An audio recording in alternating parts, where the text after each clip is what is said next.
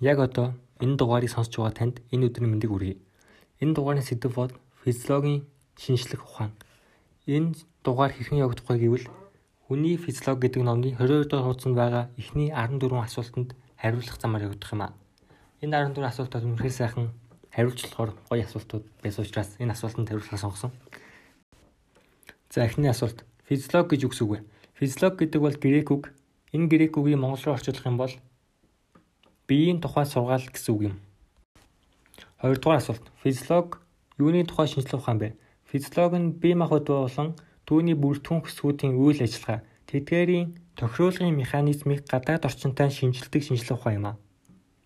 За энэ нь яг юу гэсэн үг вэ гэхээр тухайн эргэтэн бүтэц дотоод орчиндөө хэрхэн ажилладаг, мөн гадаад орчиндойгоо хэрхэн уялдаа холбоотой ажилладаг вэ гэдгийг л судалдаг гэсэн үг. 3 дугаар асуулт. Хүний физиологийн шинжлэх ухааны зорилго юу вэ? За энэ бол энэний зорилго нь үнэхээр энгийн. Зүгээр л хүнийг эрүүл байлгах зорилготой.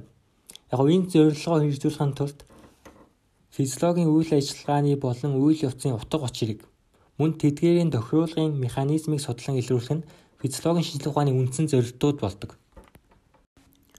Дөрөвдүгээр асуулт. Хүний физиологийн шинжлэх ухааны судлах зүйл нь юу вэ? Физиологийн шинжлэх ухаанд үндсэн хоёр том судлах зүйл байдаг. Нэгдүгээрт нь эрүүл бие махбод болон түүний бүртгэн хөсгүүдийн зохируулгын механизм нь яг юу вэ гэдгийг судалдаг. Харин хоёрдугаарт бие махбод хүрээлэн буй орчиндөө дасан зохицох зүй тогтолцоог нь судалдаг. Тавдугаар асуулт. Судлах зүйлээ хэрэгжүүлэхийн тулд ямар үндсэн аргуудыг хэрэглэдэг вэ? Физиологийн шинжлэх ухаанд үндсэн 7 туршилтын арга байдаг. Нэгдүгээрт ажиглалтын арга, хоёрт бичиж бүртгэх арга, гуравт цахилгаан физиологийн арга, дөрөвт туршин шинжилгээлийн арга, тавт чолчрох арга, зургаад завурчлах арга, долоод радио телеметрийн арга. Энэ аргуудыг дараа дараагийн асуултуудад асуултуудад хариулах замаар илүү дэлгэрэнгүй задлж ярина. За тэгэхээр 6 дугаар асуулт бол ямар аргыг ажиглалтын арга гэх вэ? Ажиглалтын арга гэдэг бол бие махбодын үйл ажиллагааны гадаад илэрлийг нь энгийн нүдээр болон тусгай дуран авианы тусламжтайгаар хардаг судалдаг арга юм. 7 дугаар асуулт. Бичиж бүртгэх арга гэж юу вэ?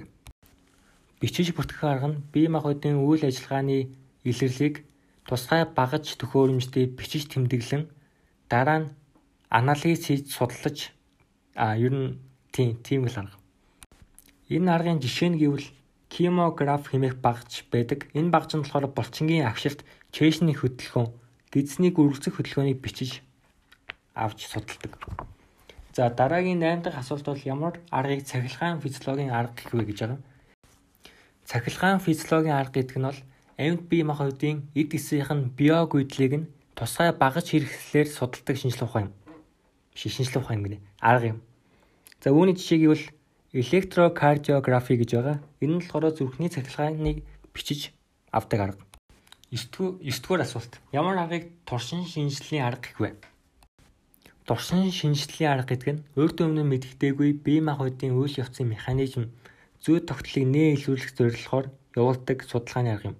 За энэ судалгааны аргыг юу нь ихэвчлэн амьд амтан дээр огтолж зүсэж хэрчиж туршдаг арга. Дээрэс нь тухайн хүн өөрөө хүсэх юм бол тэр хүн дээрээс туршилт хийж болдог гэж байгаа. За 10 дахь асуулт. Цочроо харга гэж юу вэ? Цочроо харга гэдэг бол бие махбодын үйл ажиллагааг идэвхжүүлж түүний механизм зүй тогтлыг нь илрүүлэх зорилгоор сэрэмтгийн эсүүдийнх нь сэрэх чанарт үндэслэн физик, хим, биологийн цочрогчдыг хэрэглэх арга юм. Ер нь бол физиологийн судалгаанд ихвчлэн цахилгаан цочрогч гэдэг цочрогчийг хэрэглэдэг. 11 дугаар асуулт. Загварчлалын арга гэж юу вэ? Загварчлах арга гэдэг нь бие махбодын аль нэг эрхтний үйл ажиллагааг нь өөр төхөөрөмж тоног төхөөрөмжөөр сольж хэрэглэх арга юм аа. За энэ аргын хамгийн том жишээ гэвэл хиймэл бөөр, хиймэл эрхтэнгүүд юм. 12 дахь асуулт. Радио телеметрийн арга гэж юу вэ? Радио телеметрийн арга гэдэг нь а радио телеметрийн тохиоллуурын тусламжтай бие махбодын үйл ажиллагааг алсын зайнаас холоос авах судлах арга юм аа. За манай судалгааны 7 арга маань ингээд дуусч байна. За 13 дугаар асуулт. Хүний физиологийн шинжилгээ ухааны бие даасан салбаруудыг нэрлэнэ үү гэж байна. бие даасан салбарууд гэвэл өсвөртийн физиологи гэж байна. Энд нь бие махбод болон түүний бүрэлдэхүүн өсвөртийн үйл ажиллагааг төрхөөс эхлээд үхтэл нь судалдаг. Мөн эмнэлзэн физиологи, эмгэгийг судлана, сансрын физиологи гэдэг нь болохоор сансрын хүчин зүйлүүд нь хүний биед хэрхэн нөлөөлөх вэ гэдгийг судална. Мөн сэтгцийн физиологи.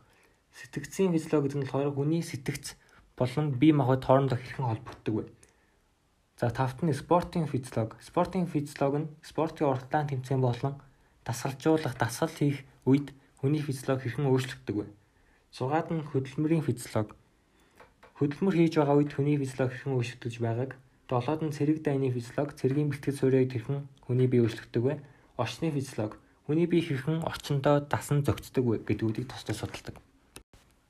За, сүүлийн асуулт буюу 14 дугаар асуулт дээр физиологи яагаад эмч болох хүмүүст маш их хэрэгтэй байдаг вэ гэж асуусан байна. За физиолог ер нь бол за энэ асуултанд хариулахад физиологийн мэдлэггүйгээр эрүүл ба эмгэгийг ялхан онцлог боломжгүй.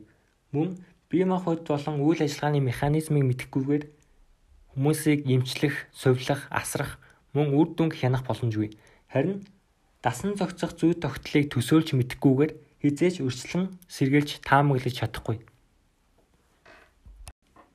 За одоо нэмэлт ганц хоёр хөөрхөн мэдээллүүдийг өгье. Ер нь бол сэтгэлийн Сэтгэл судлалыг физиологийн үнэхээр их хооронд ноёртой холбоотой гэж үздэг юм байлээ. Эрүүл бид сарвал ухаан оршинч гэдэг үг байдаг шүү дээ.